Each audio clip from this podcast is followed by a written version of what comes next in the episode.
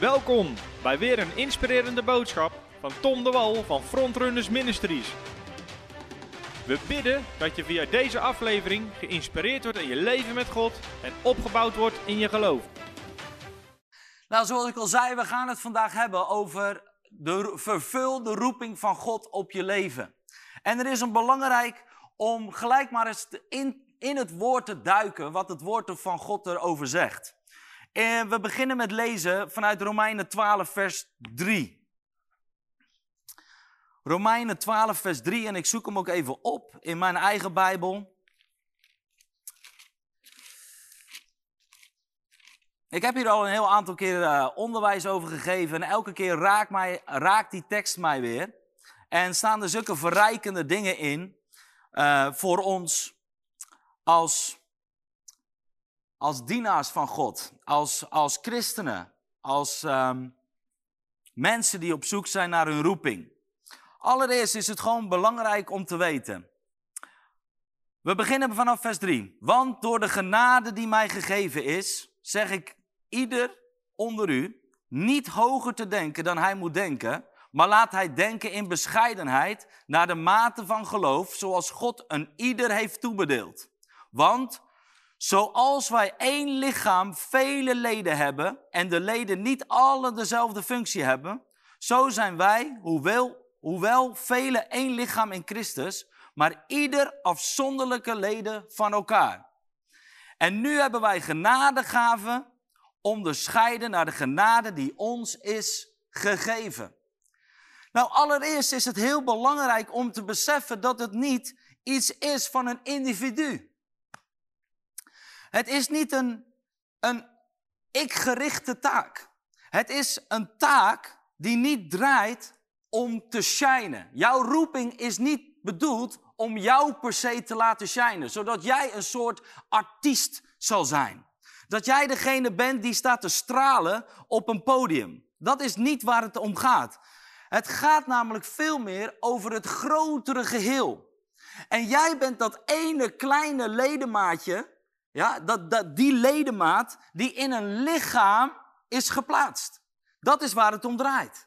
Dus dat is ook wat hier staat. Er zijn vele leden en iedereen heeft een afzonderlijke taak naar de genade die God heeft gegeven.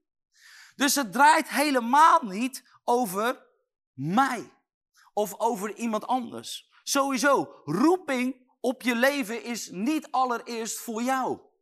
De roeping die God en de genade die God geeft, is om uiteindelijk een zegen te zijn voor die ander. Wij zijn er uiteindelijk voor die ander.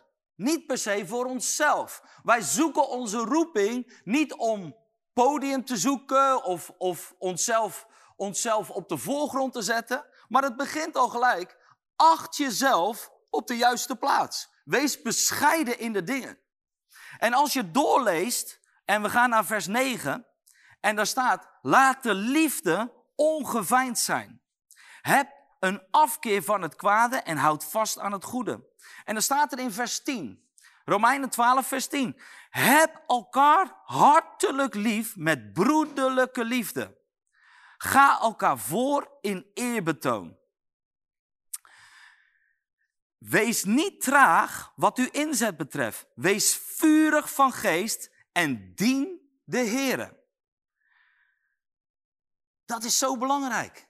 Weet je, het begint allereerst bij het hart van een dienaar. Een hart van een dienaar die niet gericht is op zichzelf. Ja, ik wil mijn roeping hebben, want ik wil. Want ik denk en ik moet. Het draait erom dat wij leren om God te dienen in alles wie we zijn. Dat wij leren om onszelf te geven. En uiteindelijk draait het om dat we de elkaar hartelijk lief hebben met een broederlijke liefde. Dus wat je ziet is, is dat heel veel mensen een soort individuen zijn in kerken, allemaal eilandjes die met hun eigen dingetjes bezig zijn met hun eigen agendatjes in de kerk zitten. Maar ze zijn niet onderworpen aan het geheel. Ze kennen niet het grotere plaatje waarvoor het lichaam bedoeld is. Het lichaam is bedoeld, de bruid van Christus is bedoeld om uiteindelijk nee, om, om een zegen te zijn in de stad en in, de, in het land. In handelingen, als je handelingen leest, zie je dat de, de gemeente stond goed bekend om de goede daden die zij met elkaar deden. En ze stonden bekend om de eenheid die zij hadden. Nou, eenheid is ver te zoeken in het land. Er wordt veel over gesproken, maar er is geen eenheid. En dat heeft alles te maken omdat we niet meer het fundament hebben van het neerleggen van jezelf. Het, het dienstbaar opstellen van jezelf. Dat is waar het allereerst over gaat als het over roeping gaat. Jij bent een onderdeel, als jij een roeping vindt, dan gaat ook het lichaam van Christus beter functioneren. Als jij een roeping vindt, gaat het lichaam van Christus schijnen. Niet jij, want jij bent onderdeel van het grotere geheel. En dit is heel belangrijk om dat te pakken. Dus als we gaan spreken over roeping, over het vervullen van je roeping, over het vinden van je roeping, is het niet om jouzelf te verhogen, maar is het om je allereerst te beginnen jezelf dienstbaar op te stellen naar die ander. En die ander lief te hebben, omdat het een schepping is van God. En omdat God jou genade heeft gegeven, ga je de ander bedienen met de goedheid en de genade van God. En zo wordt het lichaam opgebouwd. En dan staat er ook in Efeze 5, vers 27, en daar staat, opdat hij haar in heerlijkheid voor zich zou plaatsen, een gemeente zonder smet of rimpel of iets dergelijks. Maar dat zij heilig en smetteloos zal zijn. Het is uiteindelijk die kerk die, waar Jezus straks voor terug gaat komen, die heilig, die rein is, die smetteloos is en die vol van vuur is. Die vol van vuur zal zijn. Niet een kerk die allemaal individuen hebt, die allemaal overal heen rennen, maar een krachtig lichaam met mensen die rein van hart zijn, vurig van hart zijn. Ook in 1 Petrus 1 vers, als ik het goed zeg,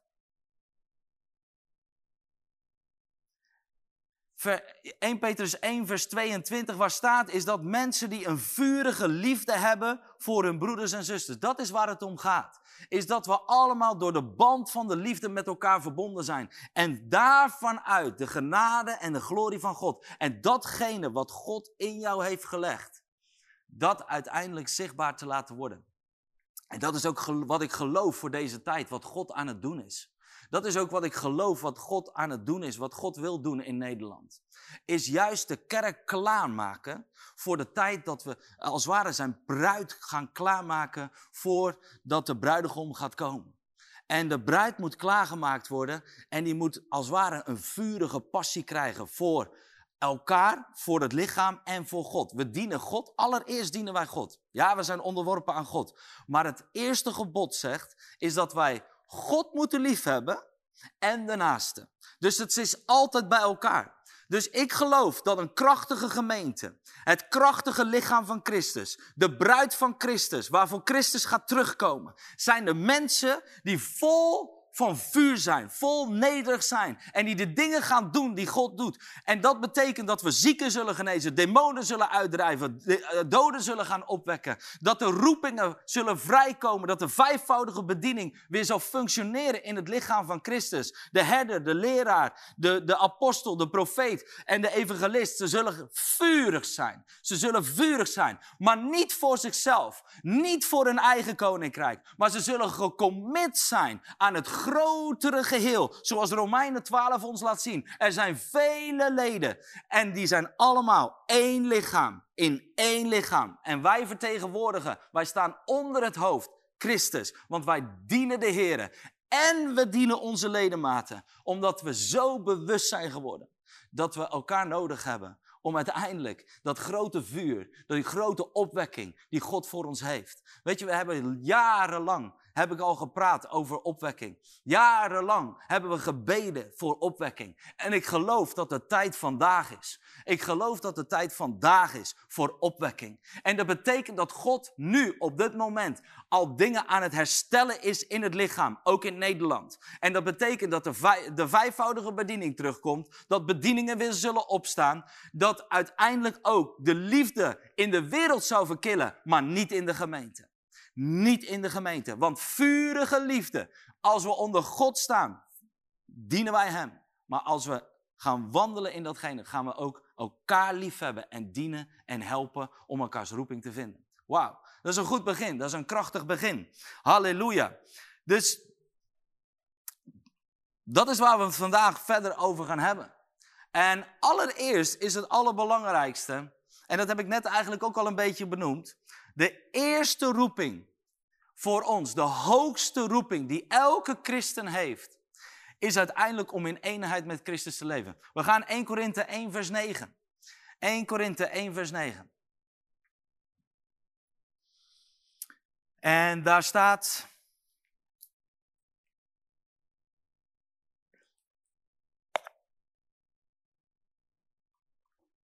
God is getrouw. God is getrouw. Door wie u geroepen bent tot de gemeenschap van zijn zoon, Jezus Christus, onze Heer. Dat is waar het om draait. De eerste roeping die elke christen heeft, is om gemeenschap te hebben, intimiteit te hebben met de Vader, tijd met Jezus door te brengen. Dat is het allerbelangrijkste. Want als wij niet geconnect zijn aan het hoofd, dan zijn we vaak ook niet geconnect aan elkaar. En dragen we ook die liefde niet in ons. En dragen we ook dat vuur en die passie niet in ons. Daarom, de hoogste roeping van elke christen, wat eigenlijk alles borgt om jou, zeg maar, in je karakter heel te maken, dat is uiteindelijk de hoogste roeping die wij hebben. Is om gemeenschap te hebben met zijn zoon, Jezus Christus onze Heer. En op die manier gaan we, op die manier um, gaan we wandelen al in onze roeping. Dus elke dag als wij tijd hebben met God, elke dag als wij die gemeenschap met Jezus hebben, elke dag als Hij ons hart aanraakt, elke dag als, als wij communiceren en een dialoog hebben met Jezus, elke dag dat wij dat doen, dan zijn wij aan het wandelen in de allerhoogste roeping. En dat is mooi om te weten. Dat is goed om te weten. Halleluja. En ik weet gewoon uit ervaring uh, zoveel mensen worstelen met dat stuk. Gewoon die gemeenschap hebben. Ze hebben het druk, ze hebben dit, ze hebben dat. Ze hebben veel meegemaakt en daardoor kunnen ze niet uh, God ervaren en al die dingen. Maar dit is het fundament van onze roeping. Eén te zijn met Jezus. Daarnaast is het ook goed om te, om te delen, is dat, dat je kan een roeping hebben over een aantal specifieke roepingen omdat meestal, als we het over roeping hebben, gaat het vaak over, ja, um, echte roeping gaat voor de vijfvoudige bediening. Of um, we hebben daar al eerder een video over gemaakt, Tom en ik, over wat is nu fulltime bediening. En het gaat allemaal over fulltimers. Maar ik geloof dat in de Bijbel staan er natuurlijk veel meer roepingen. En het is gewoon, ik heb even vier punten aangereikt, gewoon even om een helder beeld te geven. Dat, ik niet, dat je niet denkt dat ik één groep vandaag aanspreek. Nee, ik spreek veel meer groepen aan.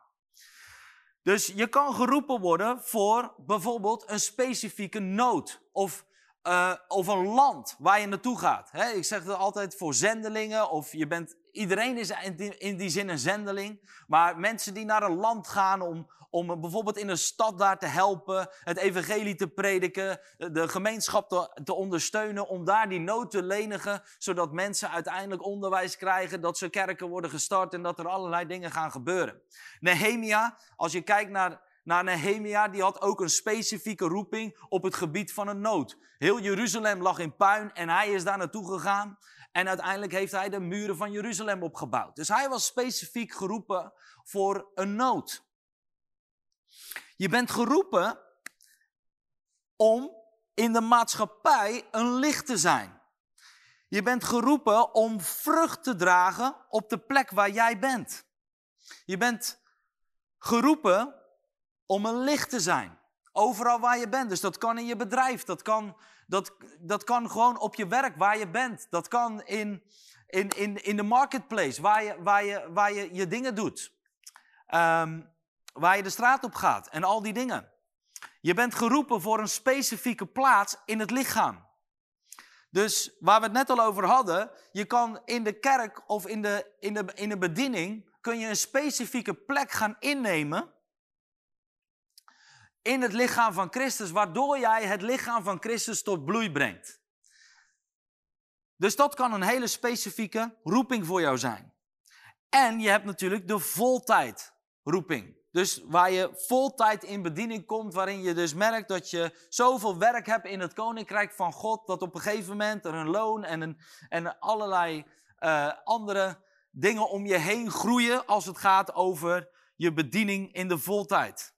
En vaak zie je dat dat de Ministry of Helps of de vijfvoudige bediening is die met het woord bezig zijn, uh, vaak die voltijd bedieningen hebben. Nou, van daaruit wil ik met jullie acht dingen gaan delen, over acht manieren gaan delen hoe jij je roeping kan vinden. Dus, um, en misschien heb jij hem al gevonden, uh, maar is het juist heel mooi om dit mee te nemen als je mensen gaat discipelen of mensen die nog met hun roeping bezig zijn. Kijk, ik weet gewoon uit ervaring dat er heel veel mensen zijn die nog heel erg worstelen met dat specifieke plan van God op hun leven. En dat is voor mij heel belangrijk, is dat, is dat we is dat je echt specifiek die afzonderlijke, dat afzonderlijke stuk wat jij hebt in het lichaam, dat specifieke stuk, dat jij dat mag gaan vinden vandaag. En ik geloof dat je door dit onderwijs heen, dat je vanavond de sleutels hebt om het te gaan vinden. En ik weet ook zeker dat als je het al hebt, dat je anderen kan gaan helpen om uiteindelijk in hun roeping te gaan stappen of het te, te gaan vinden. Nou, dus de allereerste wat ik met jullie wil neerzetten, is dat je je, je bent geroepen. Je hebt de roeping al ontvangen. Dat is een belangrijk ding.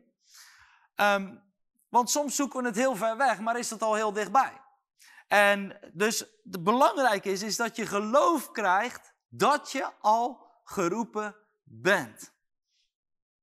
En in Psalm 100, 139 is zo'n prachtige psalm waar, waar de Bijbel zo mooi over spreekt.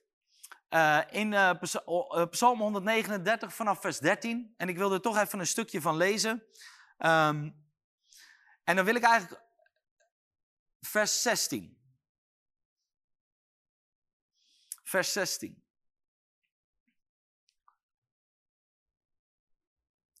En God zegt daar eigenlijk in de, in de eerdere versen, zegt hij, u hebt mijn nieren, u was het die mijn nieren vormde. U weefde mij in de buik van mijn moeder. Ik loof u voor uw ontzaglijke wonder van mijn bestaan. Weet je, mensen moeten gaan leren danken voor hun bestaan, man. Het is heerlijk om, om te leven. Het is heerlijk om in deze tijd te leven. Mensen maken zich zorgen en de economie en alles wat er speelt. Mensen, mensen, je moet blij zijn. God heeft jou gemaakt voor deze tijd. God heeft jou gemaakt voor deze tijd. Je bent wonderbaarlijk gemaakt. God heeft alles in jou gelegd. Psalm 139, vers 16. Uw ogen zagen mijn vormeloos begin. Alles werd in uw boekrol opgetekend. Aan de dagen van mijn bestaan ontbrak er niet één. Er ontbrak er niet één. God heeft ons gemaakt in onze roeping. En toen hij hersencellen uitdeelde, toen stonden wij niet op de laatste rij of was die mensen vergeten. Nee, hij heeft iedereen perfect gegeven. Perfect gegeven uh, wat nodig was voor jouw leven om uiteindelijk te doen waar jij voor gemaakt bent. God heeft jou alles gegeven. God heeft jou perfect gemaakt, zegt Psalm 139. Hij vormde ons. Hij was erbij toen hij ons maakte. Het was niet een toeval dat je er was. Je bent zo bijzonder gemaakt, zegt het woord van God. Het is het woord van God wat het zegt. Het is niet een mooi verhaaltje wat ik vertel. Het is het woord van God die dat zegt. En God heeft ons gemaakt. Precies zo, zoals wij moeten zijn. En dat is ook wat we moeten leren omarmen. Gewoon te danken. Heer, u heeft mij zo gemaakt. U heeft mij zo gemaakt. Ik hoef niet anders te zijn. Ik mag gewoon accepteren dat u mij zo gemaakt hebt zoals ik ben. Halleluja. En in 2 Timotheus 1 vers 9 staat daarom ook heel mooi. 2 Timotheus 1 vers 9.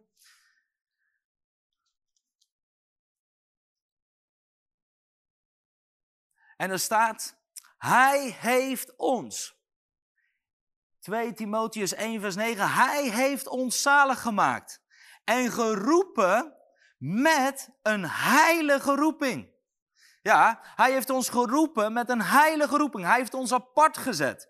Niet overeenkomstig onze werken of ons kunnen of wat wij zullen of gaan presteren, maar overeenkomstig zijn eigen voornemen en genade. Die ons gegeven is in Christus Jezus voor de tijden en eeuwen. Dus toen hij je vormde, toen heeft hij dat al in je gelegd. Want hij heeft het perfect gemaakt. Hij heeft jou al apart gezet voor de grondlegging van deze wereld. Hij heeft jou als ware omhoog getild om al op een stad, op een berg te staan, om zichtbaar te zijn. Zodat je zichtbaar bent en je licht zal schijnen. Jezus zegt, ik ben het licht van deze wereld. En door Hem ben jij ook het licht van deze wereld. En ben je niet ben je niet onder een korenmaat gezet om, om het te bedekken, maar God is er trots op. God is er blij mee. Niet voor jezelf, om jezelf te verhogen, maar gewoon, hij heeft het lichaam van Christus op een, op een berg gezet, zodat het een licht zal zijn. En jij bent een onderdeel om dat licht te laten schijnen. Daarom is het belangrijk dat elk lid meeschijnt, zodat het hele lichaam zal schijnen. En dat is misschien jaren is de kerk heeft een verkeerd beeld gehad. Maar de kerk moet zo krachtig zijn dat ieder lid zal schijnen.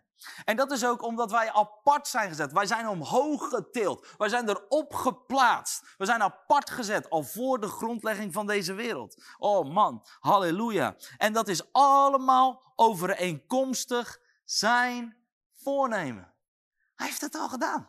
Hij heeft het al in je gelegd. Toen hij in de moederschoot weefde. Toen had hij dat al lang in jou gelegd.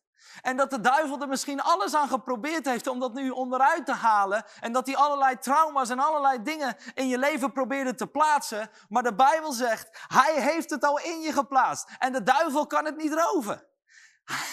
Halleluja, want hij heeft het in jou geplaatst. En datgene wat God aan jou gegeven hebt, dat zal niemand kunnen afnemen. Dat is wat al in jou is. Halleluja. En jij mag gaan ontdekken dat jij bent al geroepen voor de grondlegging van deze wereld. En daarom is het zo belangrijk dat je, dat je gewoon beseft, er is precies genoeg aan mij uitgedeeld om te kunnen bedienen, om te kunnen stralen, om te kunnen schijnen. Het licht van Christus door mij heen. En alles wat ik in de gemeente kan doen, alles wat ik in de maatschappij kan doen, overal waar ik ben. God heeft mij al genoeg gegeven. Je bent in het beeld van God gemaakt. Je bent helemaal verweven in Hem. Halleluja. Daarom is het zo belangrijk om in Christus te zijn. En daarom heeft roeping heeft ook niks te maken met een niveau van leren. Uh, met, met of je IVBO, VBO, MAVO. Het maakt voor God niet uit. Of je universitair geleid bent. Het maakt voor God niet uit. Het is een bovennatuurlijke roeping. Het is wat Hij in jou heeft gelegd. En Hij zegt ook, Hij die ik geroepen heb, die zal ik ook bekwamen. En weet je, er is gewoon voor iedereen in het lichaam van Christus training. En, en Jezus nam ook twaalf totaal verschillende discipelen mee. De ene was gewoon, die kon dingen heel snel oppakken of kon heel dingen makkelijk, heel makkelijk opschrijven. De andere had er misschien wat minder moeite mee, maar had een hele andere kracht. Want God heeft precies in jou gelegd wat er in jou moet zijn. En daarom zeg ik altijd, accepteer datgene wat God heeft gegeven. Accepteer wat God heeft gegeven aan jou.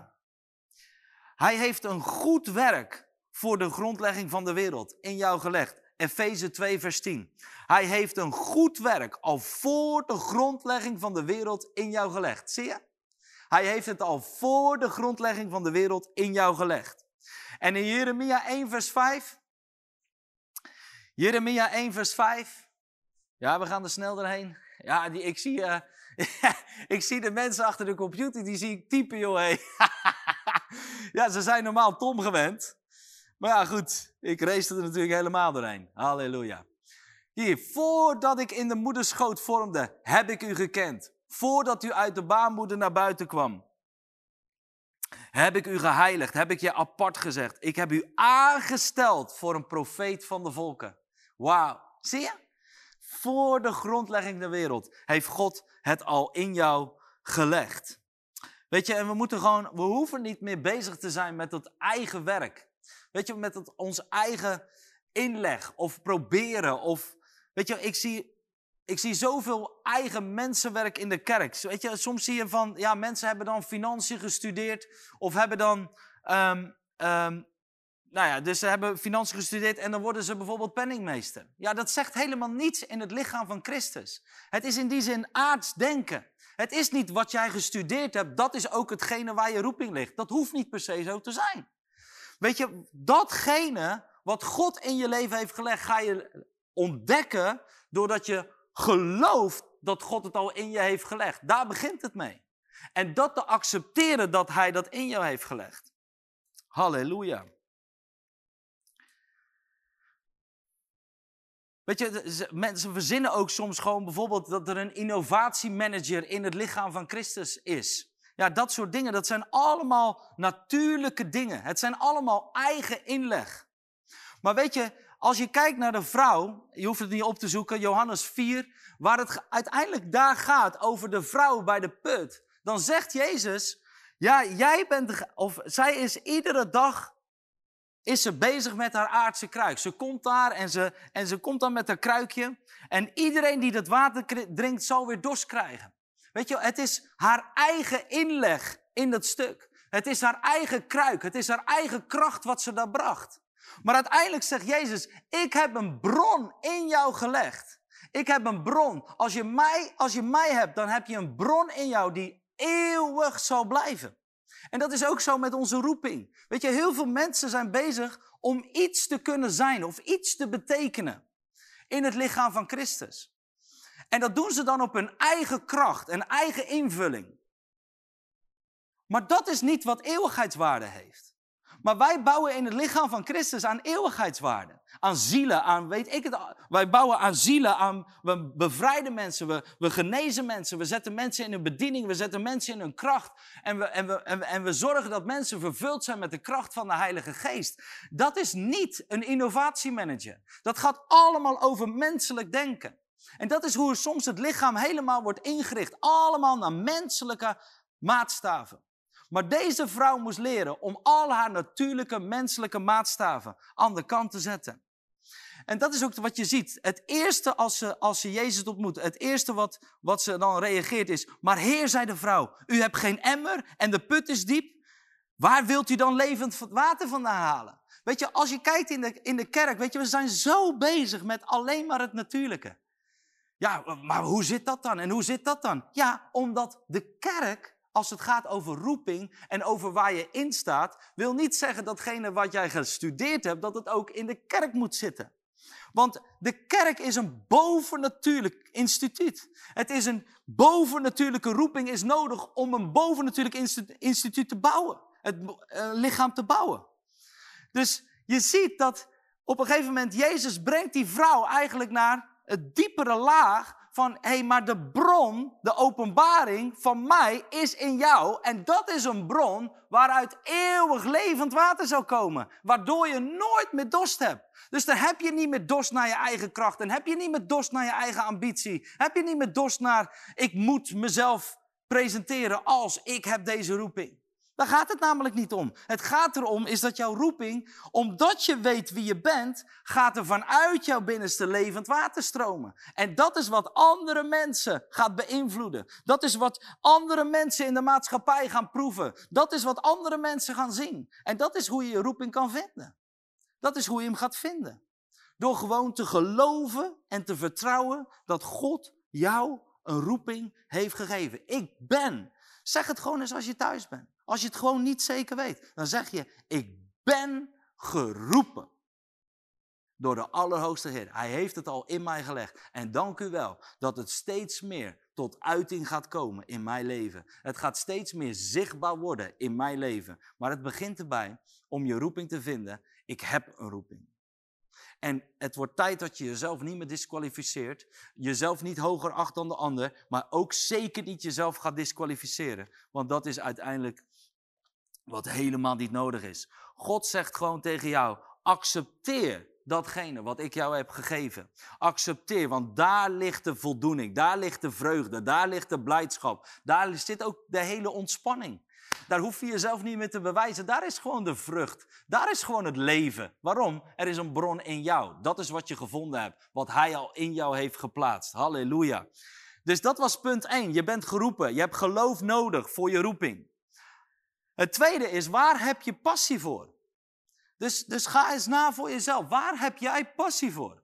Waar brandt jouw hart voor? Dat is een hele goede vraag als je je roeping gaat vinden. Um, Kijk, de Bijbel zegt in Matthäus 5, vers 6. Er is een hele mooie tekst uh, in de bergreden, waar Jezus uh, de discipelen onderwijst en de mensen over de discipelen heen. En dan zegt hij: Gelukkig wie hongeren en dorsten naar de gerechtigheid, want zij, want zij zullen verzadigd worden. In een andere tekst staat: Zoek je geluk bij de Heer. Hij zal geven wat je vurig verlangt. Dus je ziet dat hongeren en dorsten, je hebt een honger en een dorst nodig om het te vinden. Je hebt een honger en een dorst nodig om het te vinden. Weet je, je hebt nodig om het goud, datgene wat God al in je leven heeft gelegd, om dat te gaan vinden. En ik weet een, eh, een hele mooie, een mooie God General, A.A. Allen. Uh, hij, was, hij had zo'n honger naar God. En op een dag toen besloot hij, ik wil weten wat mijn roeping is. Ik wil het weten, vandaag nog. En hij sloot zichzelf op in de kast. En, um, en hij kwam niet eerder uit die kast voordat hij wist waarvoor hij was geroepen. En het mooie was, en hij kreeg ook in die kast een openbaring. En vervolgens leidde hij 30 man in twee weken naar, tot de Heer. En hij, even later is hij als evangelist gaan, uh, gaan reizen. En heeft hij echt bovennatuurlijke wonderen meegemaakt. Zoals dat hij voor een kind bad, die geen benen meer... Waar gewoon eigenlijk ja, zijn beetjes hingen, er was geen kracht meer in te zien. En hij lag de handen erop. En je zag gewoon ineens dat die benen begonnen aan te groeien. Dat er kracht in die benen terugkwam. Hij maakte bizarre wonderen van God mee. En in die kast ontdekte hij, kreeg hij een openbaring van watgene wat God al in hem had gelegd. Maar honger en dorst was nodig om dat goud naar boven te trekken. Om dat, om dat uiteindelijk zichtbaar te laten worden in zijn leven. En dat is zo krachtig. Dat is zo mooi, omdat hij daardoor uiteindelijk een enorme impact en dat wij er vandaag nog steeds over praten. Halleluja. Want dat is wat er gebeurt. Als God jou gaat gebruiken op de plek waar jij bent en in de gave die God jou heeft gegeven, is het altijd bovennatuurlijk. Het is altijd bovennatuurlijk. Of je nou eten uitdeelt of wat dan ook. Er zal altijd dat aspect zijn van kracht en zalving en autoriteit. Halleluja. Want dat is onze God. Zo is Hij. Weet je, en ik ben ook de jonge versie van E.E. Al tegengekomen. Ja, ik, ik, zat, eh, ik was pas in een gesprek en uh, dat, was, uh, dat was een uh, jonge gast en hij was zo, ook zo hongerig. En dat was eigenlijk een soort 2022 versie. En, want hij had zich opgesloten in de wc. Hij dacht, ik ga niet in die kast zitten, want als ik daar moet plassen, of als ik, als ik naar de wc moet, of als ik moet drinken, ja, dan moet ik uit die kast. Dat wil ik niet. Dus hij is in de wc, heeft hij zich opgesloten, zodat hij een kraantje had. en dat hij naar de wc kon, zodat hij zijn kamer niet uit, hoefde. Maar wat ik zo mooi vind, is uiteindelijk dat hij door die door dat moment heen. Hij zegt, ik heb daar een dag gezeten. S ochtends ging ik erin toen het donker was. En ik kwam eruit toen het donker was. Maar aan het eind van het verhaal. En hij liet het aan mij zien. Hij had een hele document met wat God gesproken had in dat moment. Hij zegt, ik heb honger en dorst. Ik wil het weten. Ik wil niet langer een beetje mijn leven leven en een beetje, beetje, ja, nou ja, gewoon een beetje emmertjes halen, waterpompen, weet of emmertjes water halen, pompen, weet ik het allemaal. Maar ik wil niet meer lauw zijn. Ik wil gewoon weten, wat is nou echt de purpose? Wat is het doel van mijn leven? Wat is waarvoor God mij gemaakt heeft? En hij is het gaan ontdekken. En dat goud is uiteindelijk in hem naar boven gegaan. En nu kan hij ook precies weten wat hij gaat, daarmee gaat doen. Maar het zegt iets over de honger en dorst. Hoe belangrijk dat is voor jouw leven om je roeping en bestemming te vinden. En um, ik wil je ook echt motiveren om gewoon dat soort dingen in je leven in te bouwen. Dat je gewoon tijd neemt om te horen van God wat God zegt over jouw leven. Dus dat was punt 2. Punt 3. Punt 3 is, waar huil je over? Waar word je bewogen van? Wat, wat, wat, wat, maakt jou, wat kan jou laten huilen? Weet je wel? Wat, wat, wat, waar merk je van, hé, hey, daar wordt mijn hart echt week. Ik heb soms in samenkomsten gezeten, joh, dan, dan hield ik het niet meer. Dan hield ik mezelf helemaal groot. Alle tranen moest ik bedwingen. Maar dan sprak diegene daar iets over. Of over de nood die er in het land is, die hij zag. En dan begon mijn hart te huilen. Ik weet het ook dat, uh, dat we dan soms samen, uh, zat ik met mijn vrouw Marloes in een samenkomst of waren we op een conferentie. En dan ging het over kinderen. En dan zat ik al een beetje naar rechts te kijken en dan wist ik al, ja hoor, daar komen ze, de tranen komen. En dan weet ik gewoon, dat is de nood, dat is de roeping van God op het leven van mijn lieve vrouw. En, en, maar dat is bij heel veel mensen zo. Als jij in een samenkomst zit, vaak weet je het al. Maar heel veel mensen beseffen niet dat daar ook vaak een roeping ligt. Daar waar je zijn. Nou, als je kijkt naar Nehemia. Ik wil even naar Nehemia 1, vers 4 en 5. En um, daar staat heel mooi, Nehemia 1, vers 4 en 5. En daar staat, toen ik dat hoorde, wat hoorde die? Hij hoorde dat Jeruzalem, zijn stad, in puin was gegaan. En dat de, ark, dat de ark weg was, dat alles in puin lag. Helemaal een grote ruïne. En hij zegt, toen ik dat hoorde, moest ik huilen. Dagenlang zat ik op de grond. Ik huilde en at en dronk niets. Ik deed niets anders dan bidden tot God van de hemel. Ik zei, Heer, u bent de God van de hemel. U bent me machtig. U doet wat u belooft. U bent goed voor de mensen die van u houden. En die leven zoals u wilt.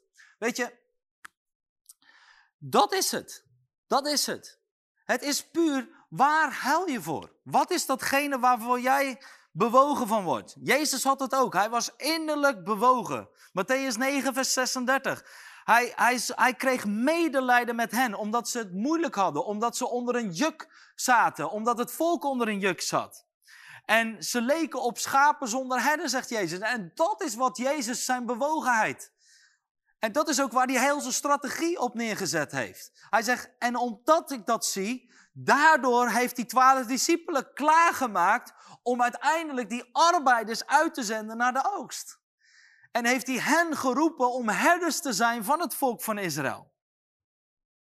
Dus je ziet dat Nehemia had een heftige bewogenheid. Kijk, je, weet je, ik, voor mij is het, zeg maar, zijn het eigenlijk twee dingen waar ik enorm gefrustreerd van kan raken. Ik, waar ik niet tegen kan, zijn lauwe kerk dan, dan begin ik al spontaan te huilen. Het is net of daar altijd uien in liggen, ik weet het niet, maar ik, daar ga ik spontaan van huilen. Ik kan niet tegen lauwheid. Ik word daar, ik word daar, ik word daar onrustig van. En omdat ik gewoon geloof in het vuur van de geest. Ik geloof gewoon in handelingen zoals het daar was, zodat het vandaag nog beter hoort te zijn. Dat we nog meer ontwikkeld hoeven te, uh, horen te zijn. En daarom, ik, ik kan echt gefrustreerd raken, maar ook huilen over de staat van de kerk. En daarom geloof ik ook dat we die fulltime school, zodat we kerken een boost kunnen geven, dat we leiders kunnen trainen voor de kerken, om uiteindelijk sterk leiderschap te bouwen, zodat, de, zodat kerken weer gaan bloeien, dat ze, weer, dat ze weer gaan staan in de autoriteit die ze hebben, dat ze regerende vergaderingen gaan worden, dan dat ze met de staart tussen de benen en, en proberen te overleven. Nee, wij zijn een regerende vergadering in de naam van Jezus. Als je het nog niet wist, dan weet je het vandaag. Halleluja. Maar en, en ik vind het verschrikkelijk.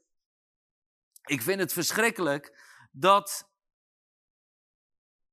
dat mensen niet in hun roeping gaan wandelen. Ik kan er echt zo verdrietig van worden als, als ik zoveel potentie in Nederland zie. Waar ik uiteindelijk zie dat ze uiteindelijk aan de kant zijn geraakt. Of dat ze jarenlang zie ik ze dan op conferenties en ineens nee, ik ben teleurgesteld en dat is gebeurd en er is een scheuring geweest en ze hebben me pijn gedaan.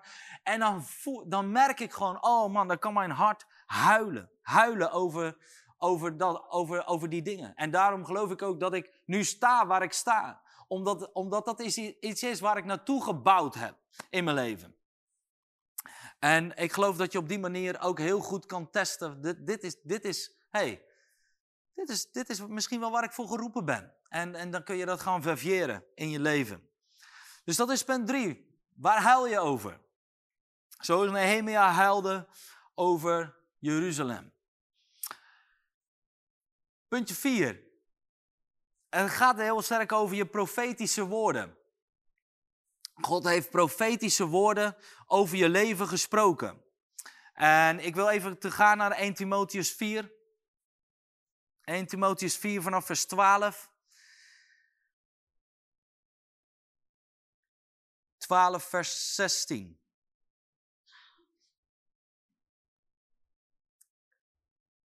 Laat niemand u minachten vanwege uw jeugdige leeftijd, maar wees een voorbeeld voor de gelovigen in woord, in wandel, in liefde, in de geest, in geloof en in reinheid. Wauw, dit is wel gaaf.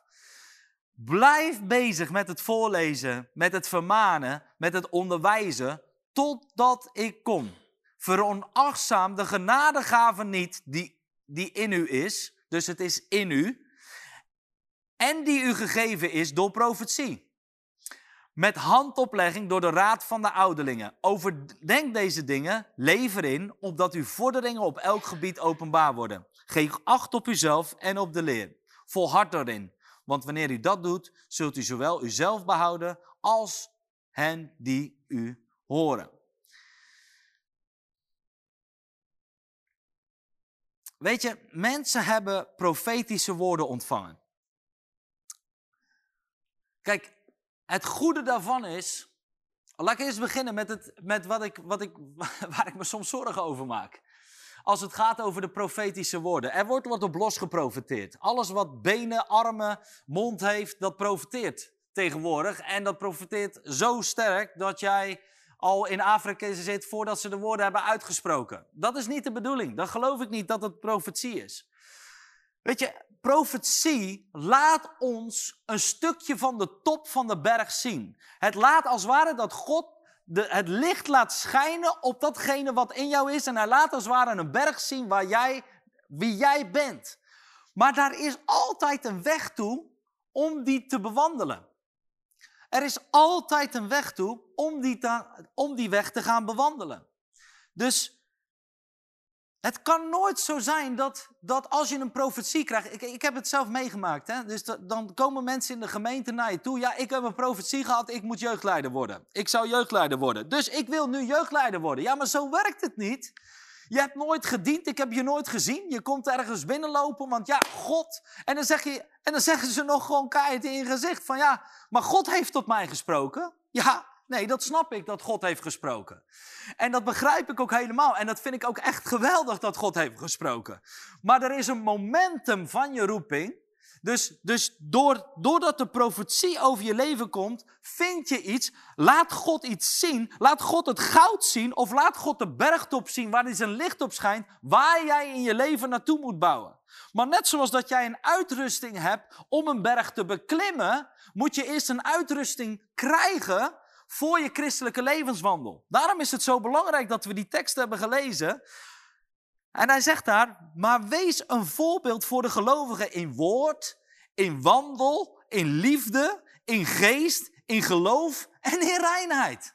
Dus, weet je, Wandelen in je roeping, en dat hebben we volgende keer hebben we natuurlijk over het volgen van je roeping en het vervullen van je roeping. En daar zouden deze dingen heel sterk komen, want het heeft heel veel te maken met karakter. Het heeft heel veel te maken met de toerusting waarheen je gaat lopen. Dus het vinden van je roeping heeft heel veel te maken met een profetisch beeld wat je krijgt. Dat is het topje van de berg. En nu mag jij de strategie gaan uitzetten. Mag jij de uitrusting voor je leven gaan klaarmaken om die berg te gaan, om daar naartoe te gaan wandelen. En daar naartoe te gaan leven, zodat je volledig bent toegerust om uiteindelijk op die top te kunnen staan. Zodat je er niet afwaait, zodat je er niet afvalt, zodat je er niet afglijdt, zodat als je met mensen mee naar beneden moet, door de vallei heen, dat je de weg weer terug weet. Weet je, al die dingen. Die zijn zo belangrijk als het gaat over profetie. En mensen verliezen dat soms uit het oog. Er zijn zoveel mensen die exclusieve, allemaal exclusiviteitsprofetieën krijgen. Ze zijn bijna de koning van weet ik voor wie waar. Alleen dat is niet wat God zegt. Dat is niet hoe, hoe het bij God werkt. Ja, jij zal de Benny Hinn zijn van 2000 nog wat. Ga toch weg. God heeft jou gemaakt. Bijzonder. Hij zal nooit een nieuwe Benny Hinn maken, want die is er niet. Jij bent jij. Jij bent jij. Dus profetie zal bevestigen wat God al voor de grondlegging van de wereld in jouw hart heeft geplaatst. Dus het kan niet zo zijn dat het iets totaal afwijkends is. En dat je denkt, nou, ik ben helemaal overweldigd. En sommige mensen eten ook alles op. Maar dat, je hoeft niet alles op te eten. Ik heb een groot deel, ik ben heel radicaal, maar ik, ik heb heel veel profetieën waarvan ik op een gegeven moment wist van, hé, hey, maar dit brengt me in de war. Dit is niet wie ik ben. Dit is niet hoe ik gemaakt ben. Waarom? Ik ken Jezus. Ik heb een eenheid. Ik leef in gemeenschap met Jezus. Ik weet heel diep van binnen. En de profeet is er om dat juist naar tevoorschijn te roepen. Dus alles wat mensen aan plakaten op mij hebben geplakt, dat heb ik verbrand. Ik heb het gewoon weggedaan. Alles wat ik heb opgeschreven, weggedaan. Het hoort niet bij mij. Dat is niet wie ik ben. Weet je, eh, niet alles voor zoete koek aannemen. Daarom staat er ook in de Bijbel dat we profetie moeten toetsen. Maar het is wel een enorm belangrijk een profetische bediening is daarom wel enorm belangrijk in de gemeente, omdat daardoor roepingen van mensen inderdaad worden geactiveerd of er wordt een, wordt een sluier weggehaald over de gedachten van iemand, waardoor hij ineens heel duidelijk zichtbaar krijgt wat hij ermee doet. Dus allereerst is het belangrijk dat je dan een strategie op je profetische woorden. Nou, wat wij zelf hebben gedaan is dat we, uh, is dat je in de school moesten wij documenten maken, gewoon met al je profetische woorden, en dat soort categorie, categorieën aangeven, waardoor je in kaart kreeg wat God spreekt. En op een gegeven moment zie je gewoon dat er een plaatje ontstaat. En dat is het plaatje waar jij naartoe kan gaan bouwen. En, en, en op die manier getraind gaat worden, of dat je een bijbelschool gaat doen, of dat je, dat je cursussen gaat doen, of dat je allerlei andere rand gaat doen, om uiteindelijk fully trained te zijn om in die bediening en roeping te gaan wandelen. En dat is belangrijk. Of je nou in de maatschappij zit, of dat je nou in de kerk werkt, of dat je, of dat je een voltijd bediening hebt. Of het maakt niet uit waar je ook bent. Je hebt training nodig. Je hebt training nodig, want je bent bezig met de schepselen van God. Het is zo belangrijk om dat te weten.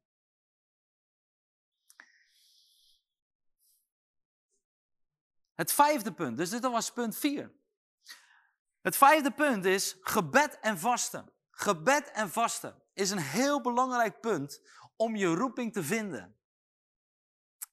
Uh, weet je, in een periode van bidden en vasten ontvang je vaak richting. Weet je, en het is, het is eigenlijk een heel belangrijk iets in het, in het ontdekken. Als je met mij naar Handelingen 13, vers 2 gaat, het is, het is echt een heel belangrijk iets om te gaan ontdekken van wat je roeping is. En Handelingen 13, vers 2. Um, en daar staat, en terwijl zij de Heere dienden en vasten, zei de Heilige Geest, zonder mij zowel Barnabas als Paulus af voor het werk waartoe ik hen geroepen heb. Toen vasten en baden zij, en nadat zij hun handen hadden opgelegd, lieten zij hen gaan.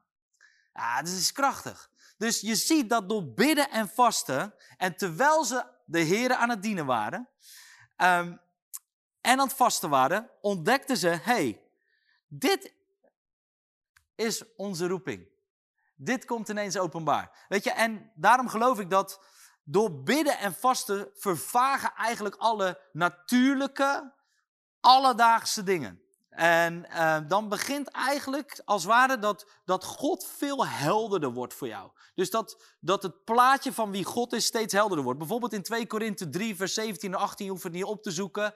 Maar daar staat, waar de geest van de Heer is, daar is vrijheid. En zij zullen met een onbedekt gezicht de luister van de Heer aanschouwen en naar datzelfde beeld veranderd worden. Dus doordat je gaat bidden en vasten, krijg je een steeds scherper beeld van wie God is. En ontdek je dus ook steeds meer ten eerste krijg je een scherper beeld. Ten tweede, je merkt dat God gewoon sterker en, en directer tot je begint te spreken. En je pakt het ook veel sneller op. En daarin zie je dat ineens de Heilige Geest begon te spreken voor die specifieke taak. Dus ze wisten eigenlijk ergens al hun functie. Hè? Ze werden al apostelen genoemd. En Barnabas die was de bemoediger. Maar ze kregen hier een specifieke opdracht vanuit de gemeente uitgezonden om te gaan, en werden ze gezonden om uiteindelijk kerken te stichten, het evangelie te prediken overal waar ze kwamen. Dus je ziet dat bidden en vasten je kan helpen, ten eerste om je roeping te vinden. En ten tweede, om ook als je bijvoorbeeld al weet wat je roeping is, weet je ook wat uiteindelijk je specifieke opdracht kan zijn voor deze periode. Dus God kan ook voor een bepaalde periode een specifieke opdracht geven. Ik wil dat je nu gaat prediken daar en daar. Nou, en op die manier ontdek je steeds meer, hey, dit is wie ik ben en dit is wie ik wel, ben en dit is wie ik niet ben. Dus bidden en vasten is een heel belangrijk onderdeel van het ontdekken van jouw roeping. Als ik kijk naar zes, dan gaat het over een hoorbare stem. En een hoorbare stem, dat zie je in het, in het leven van, uh, van, uh, van Samuel, die uiteindelijk door een hoorbare stem um, ineens weet waar hij voor geroepen is. En God geeft heel duidelijk aan, je zou een profeet zijn en ik heb jou geheiligd om een specifieke taak, een specifieke roeping uit te voeren. En dat gebeurt nog steeds. Er zijn nog steeds mensen, ik heb het zelf nooit meegemaakt, maar ik weet wel van mensen die ooit een keer een echte holbare stem over hun roeping hebben gekregen. Dat ze gewoon letterlijk de stem van God hoorden. En niet in hun gedachten, maar echt in een ruimte. En weet je, als mensen daarover praten of als mensen dat tegen me zeggen van ja, ik heb het via een hoorbare stem, dan staan ze soms met een kauwgompje en met een hand in een zak. Nou, dan weet ik al, jij hebt niet een hoorbare stem gehoord of een engel gezien of weet ik veel wat. dat is echt niet zo. Ja, ik kan me niet voorstellen. Want ik weet gewoon op het moment dat je God hoort op zo'n specifieke manier, of dat je engelen ontmoet die een boodschapper is, die het je deelt, dan val je voor je knieën. Sommige mensen die dat hebben gehoord, die kunnen er bijna nog steeds niet spreken. Ze kunnen er niet over praten zonder dat ze emotioneel worden, omdat het zo'n diepe, intense ervaring was. Dus weet je, dus een hoolbare stem is ook een middel waardoor jij kan ontdekken uh, wat jouw roeping en bestemming is.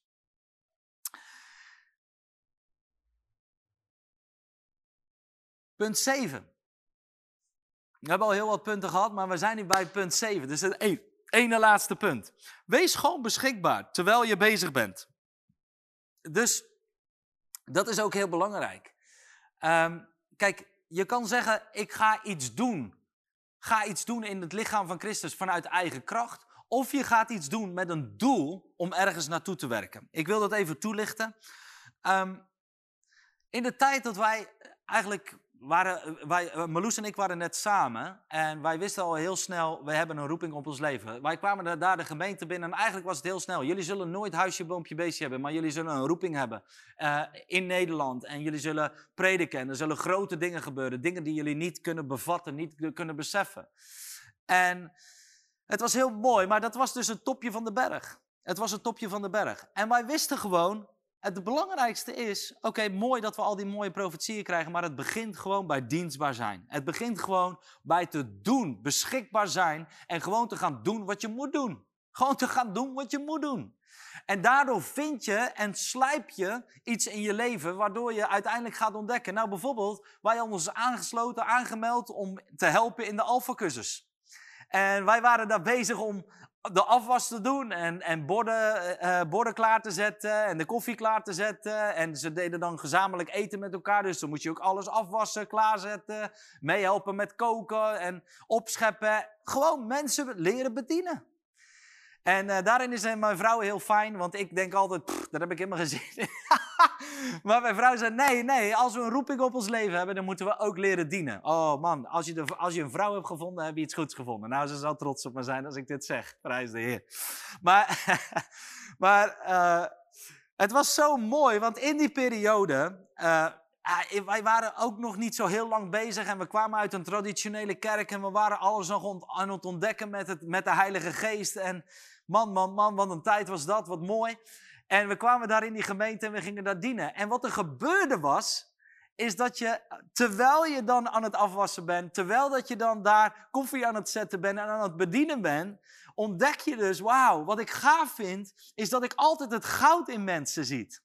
Is dat je altijd het goud in mensen ziet. En Meloes had altijd een bepaalde scherpte bij mensen, dat ze dingen kon onderscheiden in de geest. En op die manier leerde je al je gaven te gebruiken terwijl je bezig was.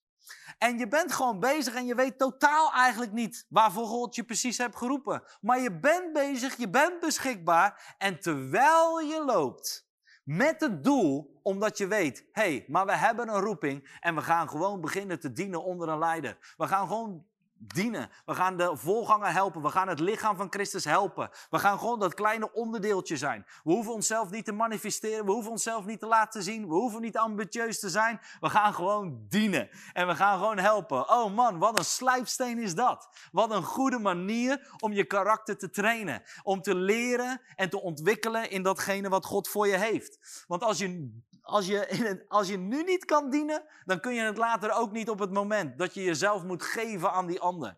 Dan is dat ook moeilijk. Weet je, daarom is het belangrijk. Begin gewoon ergens. Begin gewoon met het kleine. En dat is ook waar je het gaat ontdekken. Waar je, het, waar je roeping uh, langzamerhand beginnen dingen helder te worden. En um, nou goed, en al die andere dingen helpen daar natuurlijk bij om uiteindelijk het hele plaatje helder te krijgen, om uiteindelijk gewoon te gaan stappen, je roeping te gaan volgen. Halleluja. En, eh, ja, en ook wat heel, misschien een gek punt, het laatste punt wat ik heb, uh, maar is ook te benoemen wat je niet bent. Gewoon te gaan benoemen wat je niet bent. En dat doe je vaak in discipelschapsgroepen. Wij, hadden, wij, wij noemden dat de vier musketiers, vier vrienden bij elkaar. En dan benoemde ook gewoon heel vaak aan elkaar wat je niet bent. Um, ik heb bijvoorbeeld een bepaalde periode gewoon dingen gedaan die niet per se voor mij waren. dat is bijvoorbeeld, eh, bijvoorbeeld voorgangerschap. Kijk, uiteindelijk wilde ik natuurlijk, je wil ergens leider worden. Maar dat is niet de specifieke plek voor mij. Dus ik ontdekte, doordat ik daarin zat, van ja, dit is het niet. Dit is niet wie ik ben. Dus het is ook goed om te weten, ik ben niet een leraar of ik ben niet, um, ik ben niet die persoon die altijd um, uh, heel lang met iemand op kan trekken. Uh, ik had er pas een gesprek over met iemand. Die, die gaf het ook heel mooi aan. Die zei van ja, ik, ik ben heel enthousiast en ik heb, ik, heb, uh, ik heb glory nights en ik heb geweldige dingen. Maar dan heb ik een persoon uh, die, die, ja, die heeft trauma's, die heeft dit, die heeft dat. En dan denk ik, één gesprek en dan moet je het pakken. Dus ik zei tegen, tegen diegene, ik zeg, arme jongen. En ze zegt, waarom? Ik zeg, nou ja, dat hij jou moet treffen en dat jij het doet. Want jij hebt helemaal niet het geduld en het is helemaal niet jouw roeping. Dus soms is het ook gewoon goed om te beseffen, ja, maar het is helemaal niet mijn roeping om mensen te begeleiden. Het is helemaal niet mijn roeping om dingen te doen. Dat kan heel bevrijdend zijn voor mensen van, oh, Sommige mensen doen alles. Ze doen dit, ze doen dat, ze doen dat. En dat doen ze uit een plichtsgevoel. Prachtig, mooi. Maar uiteindelijk, doordat je zoveel doet, heb je soms niet de ruimte om echt in het specifieke wat God heeft gegeven, waar de zalving zit, waar de kracht zit, waar God achter zit. Dus dat is belangrijk om dat te beseffen. Dus ik vond het heel mooi, want zij gaf dus aan van, joh, ik, ik voel me gewoon bevrijd. Het is gewoon, ik ga dat niet meer doen.